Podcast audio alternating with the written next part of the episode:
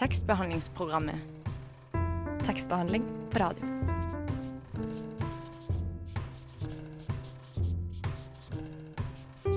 Tekstbehandlingsprogrammet.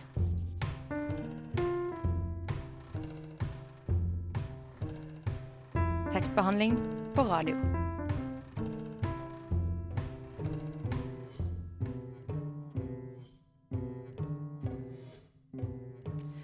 Hei og velkommen til en time med tekstbehandling denne onsdagen her på Radio Nova. Jeg heter Stine, og med meg i studio i dag Sara Sofus. Hei, hei, hei. Hei, Sofus. Hei. I dag så får vi besøk av forfatteren Joakim Kjørsvik. Det gjør vi. Han debuterte i 2008 med novellesamlingen 'Åpenbart ingen nabo', som ble fulgt opp med roman eh, ved navn 'I fjor var jeg i lang natt'. Men den boka jeg skal snakke om nå, er vel den eh, 'Folk jeg husker'. Ja. Ja. Eh, og det er også en slags novellesamling. Vi kan spørre han litt om det når han kommer. Ja, vi gleder oss. Ja. Eh, Til sammen skal de tekstene i boka utgjøre historien om et uh, levd liv, sier forlaget. Ja. Men Sofus, Ja. eh, jeg kjenner, hvis jeg kjenner deg rett, så har du kanskje noe på hjertet? Å, du, jeg er så gira i dag. Eh, for eh, i går så ble det jo da lansert hvem som er de eh, nominerte til Tarjei Vesaas eh, debutantpris. Ja. Og det er alltid veldig spennende. Som, ja, som du vet, hvert fall, Stine, så er jeg veldig opptatt av debutanter. Og debutboka syns jeg jo er herlig. ikke sant? Alt den mest spennende boka som igangsetter et forfatterskap. Så da har vi mange spennende forfattere. To av dem har jeg, eller Tre av dem har jeg jo faktisk lest, da, og det er da Bendik Wada med en diktsamling som heter eh, Vak. Eh, Ja. Runa Fjellanger, som vi har hatt i studio, har vi ikke det, Stina? Ja, vi hadde henne eh, live ved semesterstartfest. Det begynner å bli en stund siden, men det var veldig hyggelig. Da var det guttastemning og alt mulig. Supert, det. Ja. ja. Og så har vi da også eh, Rita Param dette, dette navnet vet jeg ikke om jeg sier riktig, altså. Eh, Paramalingam eh, Ja. med 'La meg bli med deg hjem', er det det? Altså en, en hun, roman? Ja. Mm, hun var jo også på besøk hos oss i høst. Så fint. De sendingene kan du kanskje finne på rodionova.no tekstbehandlingsprogrammet. ja, og så skjønte jeg at den siste, uh, han siste nominerte, den boka har du lest, og du syns den er utrolig flott, Mm. Ja, gjør ikke? tante Ulrikkes vei'. Ja. Jeg grein to ganger. Ja. Uh, den ene ganske tidlig, så det var veldig overraskende, men det var veldig rørende, så jeg ble veldig engasjert i disse karakterene. Hvem var så skrevet den, husker du det? Nei, jeg husker ikke navnet Nei, i farta, ja, ja, men ja. og Greit, grein- også på slutten. Ja, det var en veldig ja. fin bok. Eh, rosa omslag. Eh, ingen må la seg lure. Ja. Alle Eh, bør lese Cæsar. Shakar, så jeg nå. Ja. Bare, det er det han heter, ja. Ja, ja, ja, mm. Oppvekstroman fra Stovner, Ja, som herlig. anbefales på det varmeste. ja. Rett og slett. Eh, før vi får Joakim Kjørsvik inn i studio, så skal vi høre en sang fra 1965 om steder John Lennon husker, og minnene som han knytter til de stedene. Eh, Nå skal du få høre In My Life av Beatles her på Radio Nova. Hvis du går hjem med noen og de ikke har bøker, ikke knull dem. Hilsen tekstbehandlingsprogrammer. Eh, Før den ringen så hørte du altså In My Life med Beatles. Nå har vi fått besøk i studio av Joakim Kjørsvik. Velkommen. Takk for det. Tusen takk for at jeg får komme. Takk for at du kom. Du er jo her først og fremst for å snakke om din siste utgivelse. Ja, jeg håper det. Ja. Se. Primært. derfor. Ja, Folk jeg husker, um, på, som gitt ut på Kolon. Og forlaget skriver eh, følgende at det er en eh, bok satt sammen av viktige deler av historien om et liv. Ja. Ja, Litt sånn kryptisk kanskje, men eh, kanskje du kan si noe om eh, hva slags type bok er det vi har med å gjøre her, Joakim? ja, altså det er jo en rekke eh, hva skal jeg si, eh, portrett av masse forskjellige mennesker som jeg har møtt gjennom livet mitt. Altså på en måte bipersoner i mitt eget liv. Det vil si at eh, når jeg begynte å skissere opp forskjellige mennesker som jeg kunne huske, så jeg fant det fort ut at hvis jeg prøvde å skrive om dem som sto meg nærest, så var det vanskelig å avslutte. Da ble det et veldig stort prosjekt. Men eh, så har jeg valgt heller å ta folk som er, har kommet inn i livet mitt og forsvunnet igjen på et vis. da. Sånn kollega kollegaer eller medstudenter eller folk jeg har bodd på et kollektiv med, eller ekskjærester osv. osv. Mm. Um, så jeg bare um, summerer opp mitt inntrykk av folk, eller noe, noe i den dur. Ja, er det sånn da at folk som leser boka, kan komme til å kjenne seg sjøl igjen? Eh, I verste fall. eh, Men eh, jeg har ikke noe ønske det, det er ikke det som er ønsket mitt, da. Så jeg har jo forandra mange ting. Pluss at i utgangspunktet så begynte jeg å skrive boka fordi jeg ville skrive noen noveller om barndommen min. Og så prøvde jeg å huske noe fra det. Og da begynte jeg å ramse opp forskjellige adresser jeg har bodd på, og folk som bodde i den de forskjellige gatene. Og så merka jeg at når jeg skrev bare notater om disse forskjellige folka, så var det historier i seg sjøl. Mm. Eh, og så balla det på seg, da. Men etter hvert så ble det slik at når jeg bare skrev sant, så ble det veldig kjedelig etter hvert. For det var litt som å skrive dagbok nærmest, og det har jeg aldri likt. Eh, så da begynte jeg å finne på ting, da. Så, Ok. så, Så det da- er ikke noe sånn Det er ikke en eh, biografi, egentlig, eller eh, ja. Kanskje du kunne lest litt for oss, så, så våre lyttere får litt inntrykk av hva slags tekster det er snakk om? Ja. Det kan jeg godt gjøre. Ja. Um, skal vi se her, da. Vi må finne noe kjapt. Da hører vi Joakim Kjørsvik som leser av fra boken 'Folk jeg husker'. Yes, første her, eller det kan jeg se fra mine dager i bokhandelbransjen. Eh, Den heter 'Tvillingsøstrene'. Jeg husker tvillingsøstrene. Svært overvektige. De gikk i matchende røde joggedresser. Bollesveis. De leide på hver sin italienske mynde. De så vettskremte ut. Hundene, altså. Vi kunne høre dem utenfor gangen, søstrene, lenge før de i sitt treige tempo nådde inn i bokhandelen. Bibler, hveste de, bibler, med de hese stemmene sine. Hvor har dere bibler, bibler? Som om det hastet, at dommedag nærmet seg i horisonten som en gresshoppesverm. Vi pekte mot trappa til andre etasje, som vi hadde gjort så mange ganger før. De så på hverandre og sukket oppgitt. Trappa var en av Guds mange prøvelser, før de vraltet seg opp ett og ett trappetrinn. De kjøpte en bibel omtrent én gang i måneden. Alltid spurte de om vi kunne gravere inn navn i dem. Det kunne vi ikke. Ikke Sofia engang, pleier en av dem å si. Nei, dessverre. Selv ikke Sofia. Mens eh, stegen deres dundret gjennom butikken, ringte jeg opp til Lars Ulrik, som sto bak disken i andre etasje, for å advare ham. Tvillingene kommer, hvisket jeg inn i røret. Tvillingene kommer. Jeg vet det, svarte han. Jeg hører dem. De kommer opp trappene. Kanskje jeg rekker å løpe ut på lageret? Du har ikke tid, sa jeg. Nei, sa han. Nei og nei og nei. Gud være med deg, sa jeg. Nei, nei, nei, sa Lars Ulrik. Jeg kunne høre stemmene deres gjennom røret. Bibler, skrek de. Tusen takk for det. Eh, Nå skal vi høre en sang, og det har seg jo sånn at eh, du har fått velge denne låta. Det er Sonic Youth med Teenage Riot. Og kan du si kort eh, hvorfor du vil at vi skal spille den sangen? Eh, det har seg sånn at jeg hørte mye på det som eh, pur ung, eh, og det var vel en av mine første eh, oppdagelser av at musikk kunne være noe annet enn det vi hørte på radioen til hverdags. Så det, ja, det gjorde inntrykk. Ja, la oss høre den låta. Joakim Kjørsvik, du debuterte vel for eh, ti år siden, Jepp. ja, med åpenbart ingen nabo. Mm. Eh, den kalles novellesamling, mens Folk jeg husker kalles fortellinger. Er det noe forskjell på de to? Um, nei, altså Og dessuten, beklager, altså, men jeg tror faktisk det står i uh, åpenbart en nabo at det er historier, faktisk. Men kanskje det står i omtalen av dette novellet. Eh, jo, altså det er jo sikkert novellesamlinger, begge deler, egentlig. Men ehm, eh, jeg tenker at jeg skriver så kort og litt sånn eh, muntlig på et vis, så jeg liker å bare kalle det enten fortelling eller historie. Men eh, det er jo bare en merkelapp på et vis, da, som du fyller med innhold. Så um, det kan godt hete novellesamling for min del.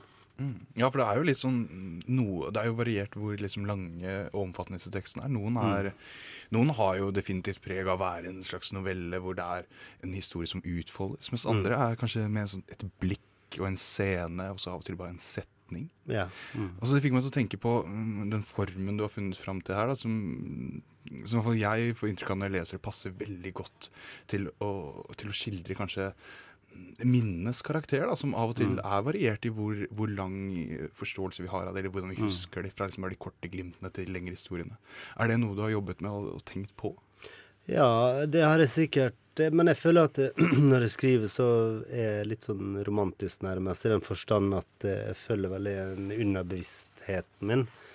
Jeg har veldig liten plan når jeg skriver. Eh, Noen ganger så vet jeg hva jeg skal skrive på forhånd, men da syns jeg det er så kjedelig, rett og slett. Eh, men eh, når jeg kan bare følge en slags anelse som jeg ikke vet hvor skal ende, så eh, da liker jeg å skrive. Da, da syns jeg det blir best når jeg sjøl ikke vet hva som kommer helt til å skje. Hva starter en sånn anelse? Hva slags inntrykk er det du Ja, nei Tekststedet kommer med, da. Ja. Si det. Um, nei, altså nå er det slik at jeg, før i tida gikk jeg alltid med et A4-ark som er bretta til sånn til det ble en slags Jeg vet ikke hva det heter, størrelsene, men jeg, det ble iallfall 16 sider på en måte av det arket. Så jeg bretta det sånn en liten lapp da, så det var plass i lomma. Og så skrev jeg med pennen hver gang jeg kom på en idé eller en setning eller et, ja, et blikk eller hva det måtte være. Eh, siden den gang har jo uh, iPhone erstatta et ark, da. Eh, Så det er Og når, når, når denne boka her fikk et sånt preg at jeg skjønte at det handla om bare å ramse opp forskjellige mennesker, så var det veldig greit å ha den telefonen og bare fiske den opp når jeg satt på bussen eller trikken, eller når jeg satt hjemme og så på TV, eller hva jeg måtte gjøre. Så veldig mye av boka er egentlig skrevet Altså Lenge før det ble et manus som ble sendt inn til, et forla- til forlaget, så var det mange mange hundre små notater på telefonen. rett og på telefonen ikke sant? det er ikke det mest praktiske å skrive på når du skriver langt, så det også gjør noe med formen, på en måte. Så, men heldigvis så liker jeg å skrive kort, så det passer. Hva, hvordan avgjør du hva du tenker at det ligger noe mer i? Hvis du skriver veldig mange ting, så er det kanskje ikke alt som er like fruktbart. eller noe. Mm. Hvordan sorterer du ut på det? Ja, det er jo en lang prosess, egentlig. Men eh, jeg tenker at hvis man uh, har nok Hvis det er nok energi i prosjektet, så uh, blir det en sånn um, Et luksusproblem, egentlig. Fordi det er sånn overflødighetshorn. Slik at det eh, Først så vil du ha med alt, selvsagt, men av erfaring Nå har jeg vært forfatter en stund, da. Så da, da kjenner man på en, på en eller annen rar måte innerst inne og hva som burde være med og ikke. Men det er også noe som eh, mange lurer av og til på hva en redaktør gjør, egentlig. Og det er jo nettopp den slags ting. De sier ja, men hvorfor skal denne, hvorfor skal denne historien være med? Og så hvis jeg ikke kan argumentere for det, så er det ofte at jeg kjenner at ja, men da er det sikkert ikke noe å hente her, da. For eksempel, da. Men skriver du, skriver du veldig eh, er veldig, Treffer du alltid veldig første gang, eller siden du skriver kort og det er på telefon? eller er det, da, da høres det ikke ut som du stryker veldig mye. Da, det er noen forfattere som jeg ser ut stryker en del. Mm. de skriver gjerne langt, og det er mye, og her ser jeg sikkert at her må du sikkert gjøre litt etterarbeid. Eh, Har du noe særlig etterarbeid eh, når det er Ja da, ja, det er masse, for så vidt mye. Men jeg tror at siden jeg er, at jeg er god på å skrive kort, så er det vel mer at etterarbeidet mitt handler ofte om å krydre fortellinga med det. Okay. Altså at eh, jeg skriver en slags kladd som er veldig kort. da. Altså etterpå, så når de da har ligget en stund, så dem som fortsatt på en måte er flamma i, på en måte, de vet at det er der jeg kan gå og skrive. Og så blir historien bedre etterpå. Og så igjen, da, selvsagt, må jo jeg stryke av hvis jeg har tatt litt av, da. Ja, ikke sant, så. Eh, mm, Ja, da kommer redaktøren inn kanskje også, ja. med sitt Men jeg, jeg, jeg har jo skrevet en roman også, og da var det det motsatte. For da tenkte jeg nå skal jeg bare kjøre på. Så da var det veldig, veldig mye um, stryking. Ja, ok. Ikke Ja. sant? Så- Og da var det en annen form, ikke sant? Ja, ikke sant. vi- Det er en ja, annen mm. form, rett og slett. Mm. Mm. Ja, men Apropos tittelen, så lurer jeg litt på da, om du husker godt. Eh, jeg husker vel godt jeg har lyst til å huske, på et vis. Eh, eh, altså sånn helt banalt, sånne ting som navn, for eksempel. Det er veldig, mange som snakker om at de har problemer med navn, og det har absolutt jeg også. Så, og datoer, adresse Altså det er veldig mye sånn alt som er praktisk på et vis, husker jeg veldig dårlig. Eh, men eh, jeg tror Ja, jeg tror Altså når det kommer til det narrativet, eller det å huske rett og slett det som ligger opp mot eh, litteraturen, på en måte. det tror jeg jeg har god eh, Ja, for det er jo en del rike skildringer her, og noen karakterer og noen detaljer som, mm. som man tenker sånn dette, her, dette har du ikke dratt ut av hatten, på en måte. Dette Nei. må ha festet seg, kanskje. Ja, ja. Ja. Men det er jo aldri godt å vite for leseren hvor um, minnet slutter fantasien tar over, da. ja. Og det har jeg jo også gjort i boka. sant? Det er jo noe som jeg har Når det ble kjedelig å skrive sant, så begynte jeg bare å finne på. Ja. Så det er veldig mye. Pluss at eh, som sagt, jeg har aldri hatt noe ønske om å være noe sånn knausgård eh, med å være helt eh, sannferdig. Ja. Så jeg har gjort en innsats for å gjøre folk eh, La oss si utseende annerledes, eller forskjellige ting annerledes. da. Nemlig. Eh, Nå er det på tide med låt til. Eh, Dette er 'Planning to Rock'. Kanskje du kan si litt om den sangen også? Yes, det er en sånn smooth liten eh, danseballade, eller hva jeg kalle det. Eh, som jeg fant ut nå bare nå nettopp at uh, egentlig er en låt av The Knife, tror jeg. Uh, som er jo et mye bedre band. Men akkurat denne eh, låta gjør dette her Penning to Rock bedre, syns jeg. Eh, fordi at jeg har hørt de andre låtene som de har gitt ut, det er ikke særlig bra. Eh, så det gikk, jeg skjønte hvorfor det var bra når de har tatt det fra The Knife, men eh, jeg var i, i Portugal sammen med Endre Useth og kona mi og hadde det veldig, veldig hyggelig. Og da hørte vi på den låta her om og om og om igjen. Altså. ja, så fint. Jeg husker Katrine. Hun hadde en diamant i den ene hjørnetanna. Hun gikk alltid i joggedress når hun var hjemme i kollektivet. Hun fortalte at faren hennes hadde dødd i en helikopterulykke. Hun betalte aldri husleia i tide. Vasket ikke når det var hennes tur. Hun viste oss et bilde hvor hun sugde ekskjæresten sin. Hun passet en diger hund og lot den sitte i et bur i stua i nesten et døgn, mens hun var andre steder. Jeg slapp løs bikkja og holdt den i halsbåndet ned trappene. Den pisset og pisset og pisset. Katrine klødde seg i skrittet og lukta på fingrene når hun trodde at ingen så det. Hun vaska vibratoren sin i oppvaskmaskina. Hun ble overvåket av en fyr i en sølvgrå Audi som sto parkert over gata for leiligheten. Hun smilte ofte. Da blinket det i diamanten. En dag var hun bare borte. Jeg husker ei jente jeg pleide å henge med en stund. Hun het Britt. En tirsdag morgen jeg var innom campingvogna hennes. Hun jobbet som klovn på det omreisende sirkuset jeg hadde fått sparken fra som trapesartist, bare fordi jeg hadde høydeskrekk. Åpnet hun en flaske kremant idet jeg kom inn døra. Som om jeg var en gjenkommen krigshelt. Jeg som ikke hadde gjort en døyt verdt å snakke om på flere år. Og sa bobler? Sjampis, sa jeg. Hva feirer vi? Hun fisket fram en flaske til. At jeg har kjøpt kremant. Her i tekstbehandlingsprogrammet så hørte du nettopp Joakim Kjørsvik lese fra boka si 'Folk jeg husker'. Eh, I denne boka så er det jo både folk og steder som går igjen, og det virker også som om jeg-fortelleren eh, er den samme. Eh, det er kanskje ikke sånn, og vi har jo snakka litt om det før, men jeg spør likevel. Hvem er det som forteller? Ja, altså I utgangspunktet er det en jeg vil si det er en versjon av meg sjøl. Eh, på samme måte som at mange av eh, de folka jeg husker, blir til noe annet gjennom eh, minnets irrganger og mine egne fantaseringer, så blir på en måte den som forteller også noe annet enn bare meg sjøl. Som den siste fortellinga, f.eks. Så har jeg faktisk, tror jeg, jeg ikke vært trapesartist i et omreisende sirkus. Og jeg har heller ikke høydeskrekk, så det er liksom Men hvem vet? Mm, det jeg tenkte på uh, når jeg leste boken, så er det jo, det er jo fortellinger som spenner fra Det er en del humor, eh, samtidig som det er en del triste og sorgfulle skjebner. Og så tenker jeg at eh, under det hele, så kanskje spesielt med den teksten som heter meg, altså hvor mange av de jeg husker, har glemt meg, skriver du. Mm.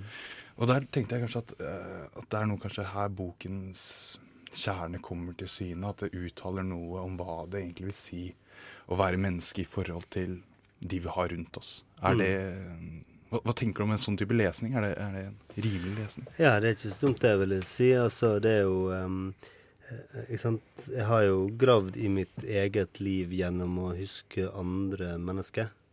Og ofte når du forteller om det sjøl, så begynner man kanskje med å huske at jeg jobba her eller der, at jeg bodde her og der. Så utgangspunktet er at du skal fortelle en historie om deg sjøl, men så går den fortellinga via andre mennesker. Eh, og det bare slo meg etter å ha sittet lenge og prøvd å huske flest mulig. Så tenkte jeg jeg vet jo ikke om disse folka husker meg. Ikke sant? Så um, Og det er som Tor Ulven-dikt om at man lever Ja, jeg satt akkurat og, Ja, akkurat og tenkte flott. på det. Bare, ja. Det er vel minutter, hvis vi tenker på det samme. Ja. Og da Nå husker jeg ikke helt hvordan det går, jeg vet ikke om du husker Nei, det? ikke Men heller. det er noe bare- sånn minutter, nei, sekunder, kanskje minutter av, av ditt av ditt liv som du har glemt, men som jeg husker. mm, som Eh, lever videre i mitt Ja, du lever et Mm, hemmelig liv i Ja. mitt minne, et eller annet sånt. da. mm, mm. At det kanskje er noe i det. At Mm. man, folk er kanskje ikke sånn som man husker, eller at de er annerledes i virkeligheten. At minnet vårt spinner videre på, Mm.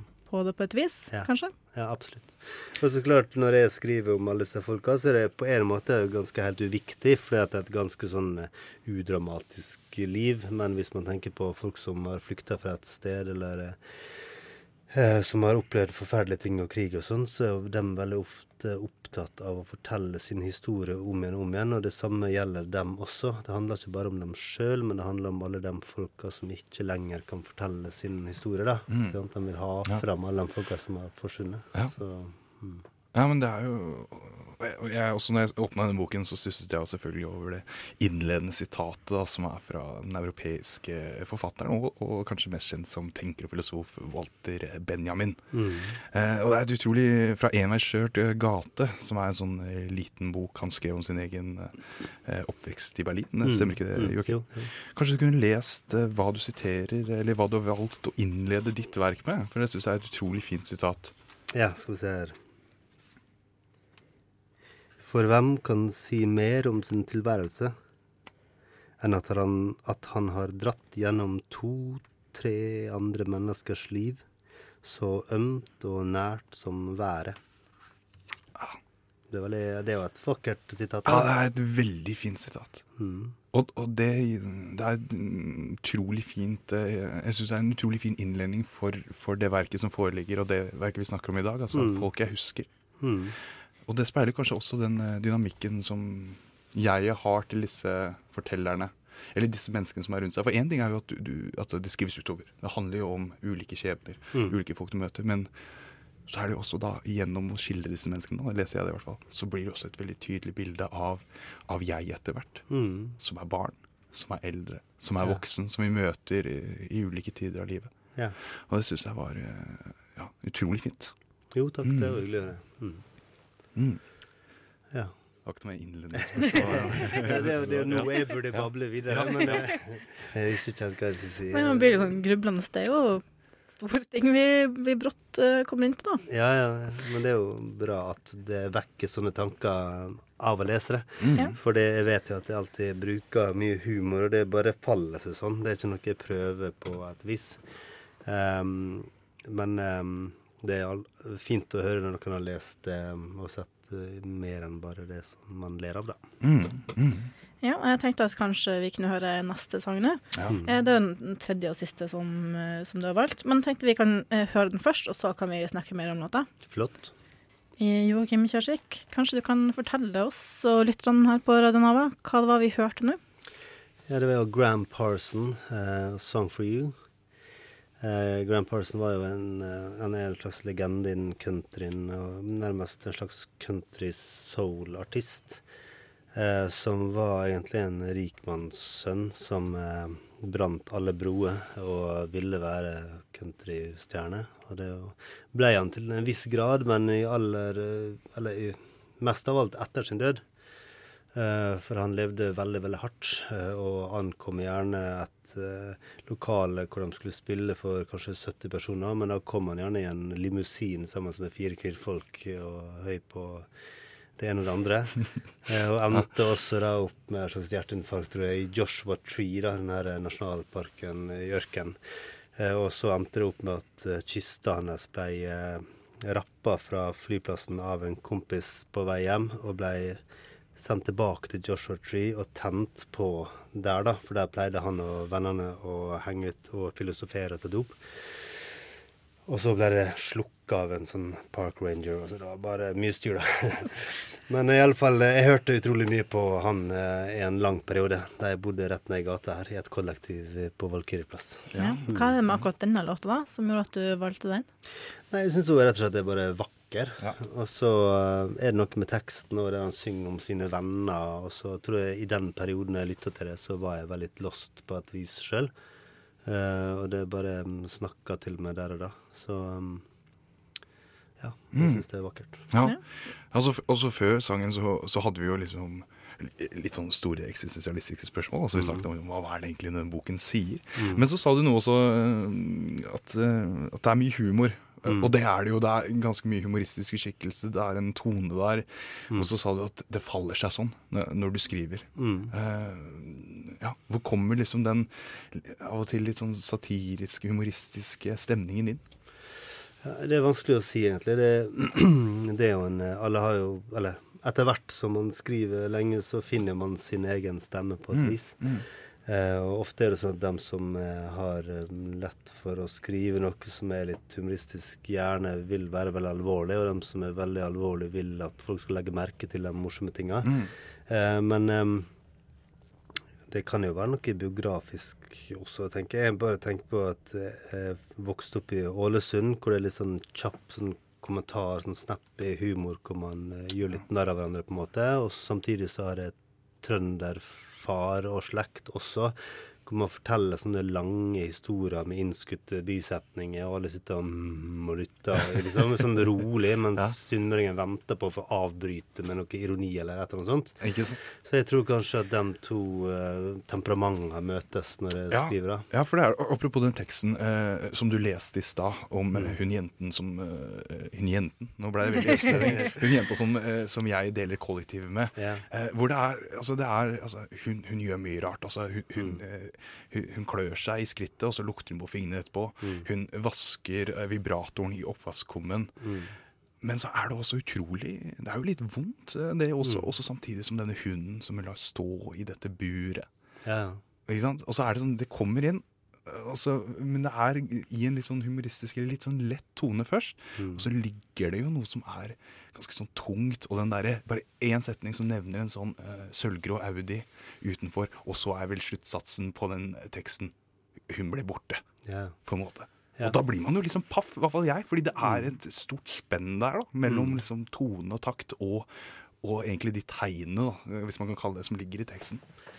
Ja, det er sant det. Men altså, nå analyserer jeg aldri det jeg sjøl skriver, og jeg skriver heller ikke. I hvert fall ikke bevisst, så skriver jeg aldri sånn symbolsk. Og som Terje Vesaas sa, skriver jeg en hest, så mener jeg en hest. Ja. Eh, Men når du sier det du sier, så er jeg helt enig egentlig i alt du sier. Eh, fordi eh, Men det er jo når man skal prøve å, å, å liksom klare å fange et menneske med litt få ord, så er det de tinga jeg husker fra Ja. denne personen. Ja. Og dette er faktisk ganske nærme sannheten av det jeg kan huske fra den dama. Eh, Men når du sier 'en dag var bare borte', så vil ikke det si at hun ble eh, drept av en fyr i en sølvgrå Audi, men eh, det var veldig abrupt at jeg kom Ja, tilbake ja. fra en ferie eller noe sånt, og så var hun borte, ikke sant? for da hadde hun bare appen liv.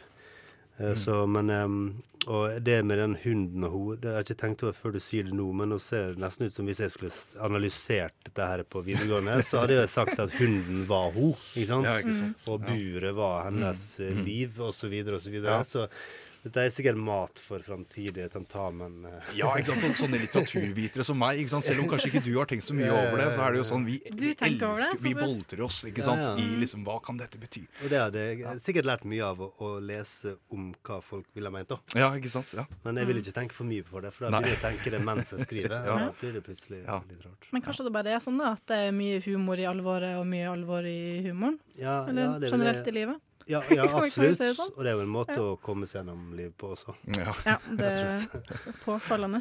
Eh, vi snakka jo litt om tidligere at det første boka di var litt lignende i formen, og den også, om du skrev roman mellom. Mm. Eh, er dette som er din form? Er det sånn her du, du kommer til å skrive fremover òg, eller? Ja, vi får se noe. Sannsynligvis så kommer det diktsamling til høsten. Oi, oi, oi! Jobber du med det nå? Ja. Ah, så spennende. Ja. Jeg har jo blitt noe av en Instagram-poet også. Det har jo blitt en greie. Eh, fordi at jeg har jo alltid skrevet dikt, eh, men jeg har aldri visst hva jeg skal gjort av dem. Fordi jeg jeg har bare skrevet sånne enkeltdikt, da. Så jeg begynte å legge ting på Instagram, og det ble veldig populært etter hvert. da. Men eh, det har ingenting med boka som kommer å gjøre. Det er noe så sært som eh, en slags sånn sorgebok over en død hund. Ja. så det er litt Ja. Uh, ja. Ikke den selvsamme som figurerer her. Eh, jo, Nana. Ja, ja, ok, ja, Så en slags oppfylling nesten. da Mm, ja, vi, Hvis vi skal legge godvilja til å strekke oss litt lenger der. Ja. Nei, ikke, sorry, ikke den hunden i det buret. Nei, men en annen Men enn i en den boka. en annen Ja, ja, hund som blir omtalt der, da. Ja, Så, mm. mm. Ja, jeg skjønner. jeg. men eh, kjenner du også disse altså, som, eh, Du sier altså du har blitt eh, ikke, Eller tatt del i dette Instagram-poesi... ja, Eh, ja. stedet. Vi hadde jo eh, Alexander Fallo, blant annet. eh, og, Og Ellen Wisløff. Ja, fra Ren poesi. eh, ja, jeg kjenner begge to. ja, ikke sant? Eh, Altså, du er eh, ja, bekjent av disse. ja, Ja. eh, og jeg har vært heldig at hun Ellen Wisløff, som driver ren poesi, har eh, regramma eller hva det heter, eh, noen dikt. da, og Det er derfor jeg plutselig fikk så mye følgere. Jeg har delt det videre. Ja, men jeg tenker jo på, på altså Instagram bare som en, en form, eller en plattform. Altså Boka er jo en måte å få ut noe på, og Mm. en sosiale sosial media-plattform er en annen måte. Litteraturen vil jo være budsk... Eller liksom Styrken i det man skriver kan være det samme uansett hvor man legger ut. Ja. Når det skal sies, så er det mye rart man kan lese hvis man søker på dikt på Instagram. Ja. Så det er jo hva- åpent for alle. Så. Hva er brukernavnet ditt, da, så lytterne våre kan eh, Ja. finne det der og følge diktene dine? Eh, Snubissevov. Ja, men da følger jeg jo det. da. Det er bare at jeg ikke visste at det var deg. Å ja, så hyggelig. Du føler Så at jeg har gjort slett du lest, ja, research. Ja, Du føler at jeg har gjort ja. veldig slett research. Ja, ja, ja. Ja, ja. Det er ikke alltid men... ubevisst research, for du har jo lest Uh, Ja, ja, ja. Ja, nei, men eh, kanskje vi tar og, og runder av der, rett og slett. Mm. Ja. med oppfølging om å følge deg på Instagram. Ja, og så venter vi jo venter vi i spenning da, på diktsamlingen som kanskje kommer til høst. Ja, absolutt. Ja. Det har vært morsomt. Ja, tusen takk for at du kom. Takk for at jeg fikk komme, det var gøy. Det var Club Kuro med The Memory Junkie. Ingrid har som vanlig tatt en kikk i fremmedordboka, sånn at dere lyttere ikke skal forbli språknolduser, men språklige Harry Pottere. Det er iallfall det hun prøver på. Jeg skjønner ikke, jeg. Dette ordet stammer faktisk fra latin. Kan du stave det for meg? Men det er jo helt fremmed. Skjønte jeg faktisk ikke nå. Fremmed. Fremmed. Fremmed. Bruk det i en setning. Skrevet fremmed. Fremmedord. Jeg skjønner ingenting. Men hva betyr det egentlig? Hør her, Ingrid. Jeg slår opp. Ha? I ordboka! Fremmedordbok? Ukas fremmedord. Boikott. Boikott er et kott for boys, eller gutter. Før var betegnelsen mest brukt på gutterommet, men nå er boikottet mest brukt i samboersammenhenger, der mannen i forholdet ikke får lov til å ha tingene sine utover i huset, men må samle det i boikottet sitt. Å boikotte noe er også et verb. Når en kvinne boikotter noe, tar hun helt enkelt mannens uønskede gjenstand og plasserer det inn på boikottet. Ikke storme inn i stua før du har fått av deg lua. Glemte du det rent? Det var ikke pent. Det var altså Ingrid med fremmedordboka før Sofie skal springe inn i Ja, studio igjen. hei, hei. Eh, Du kom i grevens tid, for nå skal vi akkurat si takk for i dag. Oh, ja, ja, er overalt? Ja. Ja vel. Ja, tiden flyr. Det- Tida flyr i godt lag. Ja, ja. Eh, neste uke så er det jo Valentine's Day. Åh, det er det. Ja, eh, og da blir det spesialsending, da. Eh, om, eller spesial, spesial. Det blir sending Ja, sending. Jeg vil kalle det spesial. om Valentine's Day. Ja, ja. Om kjærligheten. Om kjærlighet. Ja. Det er kanskje den ulykkelige kjærligheten mest av alt. Eller, ja, nei, jeg vet ikke, det er ikke meningen å være bitter, men vi får se hva det blir. Eh, I mellomtida så kan du jo følge oss på Facebook og Å ja, det er noe, dette, dette gjør vi hver gang. Ja, fordi det er gang, ja, for det er noen andre sosiale medier òg. Det er jo Instagram. Mhm. Det er altså Facebook. Og eh, så har jeg forstått det sånn at eh, man kan høre podkasten, eh, men ikke lenger på disse podkastappene, men på Radio Nova sin nettside. Stemmer ikke det, Stine? Ja, det stemmer, fordi vi har litt problemer med SoundCloud for øyeblikket, Ja. som forhåpentligvis blir løst snart. Men inntil da så finner du oss på radionova.no skråstrek tekstbehandlingsprogrammet. Da får du også med musikken. Så det er en kanskje litt bedre lytteropplevelse, vil noen si. Ja. Ikke. ja. Vi trenger ikke diskutere det uansett. Eh, I studio i dag så var det meg, Stine Spjelkavik Hansen, Mm. Og meg, Sofus Greni. og vår tekniker Øyvind Heilo. Ja. Eh, eh, og siden vi starta timen eh, med Beatles, så skal vi runde av med en sang av George Harrison som handler om minnene etter hans tid eh, som en av de Fab Four. Takk for oss. Her kommer George Harrison.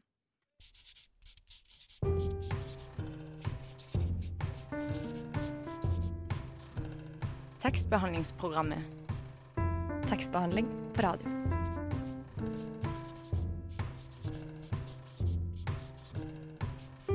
Tekstbehandlingsprogrammet.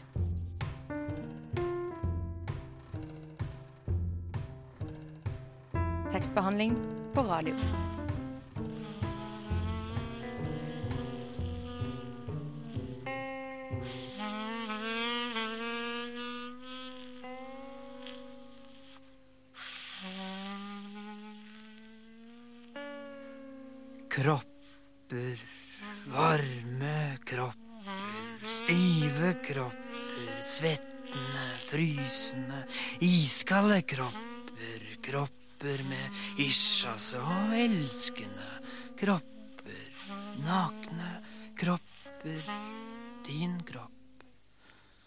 Tripper over gulvet for å komme ned i sengen til meg, hendene dine over brystene, du er visst ennå litt redd meg, du